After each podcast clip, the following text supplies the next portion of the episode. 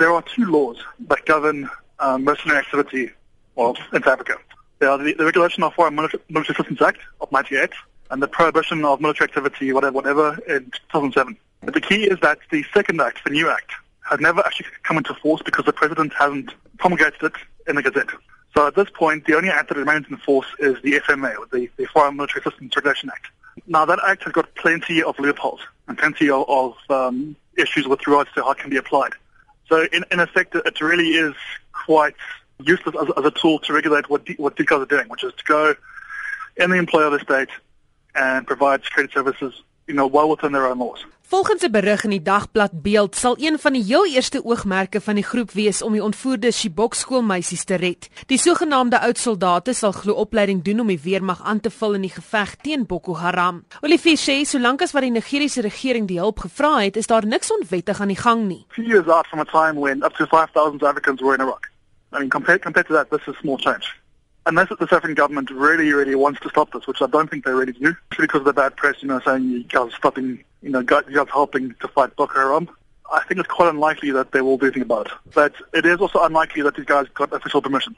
There, have been some convictions under the law, but they've primarily been plea bargains and very, very, very clear breaches of the law. For example, the guys involved in a coup in Equatorial Guinea. Amnesty Internasionaal het onlangs foto's en verslae vrygestel oor die moord en doodslag in die hand van Boko Haram. Volgens die organisasie is hele dorpies platgevee. Olivier sê as privaat sekuriteitsfirmas kan help om dit te verhoed, dan is hulle betrokkeheid voordelig vir die land en die kontinent. Yes, technically, if the government could prohibit this and there's actually no way to call this mercenary activity because it isn't. There's also no way to outright say it's illegal and it's very unlikely that it will be tested in court. Effectively, a, a PSC, a, a public security company. I mean, in essence, it's not that different in its concept to the, you know, the government hiring private security firms to go out the police stations or the, you know, um, hiring private con- consultants to help with, you know, certain aspects of training, which, which we know does happen. Were South Africa to declare Nigeria a, a conflict zone, it might trigger the, the act and then require that the, the guys, you know, get registered. But, uh, you know, it hasn't happened yet. And again, the regulations are, are so broad. I mean, for example, it requires that armed conflict be, be in place, but it doesn't actually properly define armed conflict or what that means.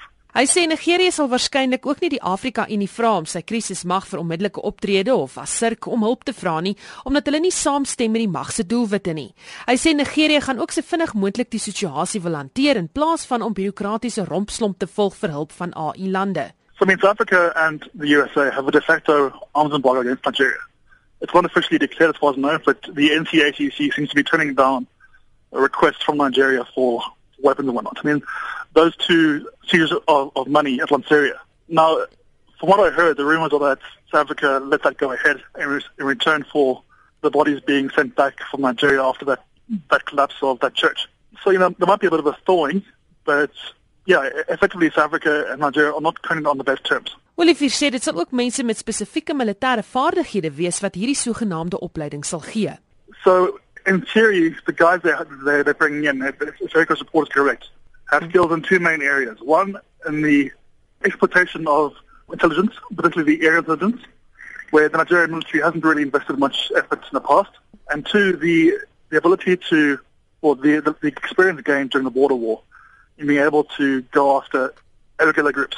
Practice warfare that you know involves a lot of sort of on-the-ground intelligence, a lot of tactics circulating around counterintelligence and, and counterinsurgency. And so yeah, that's really it. I think it's a matter of expertise.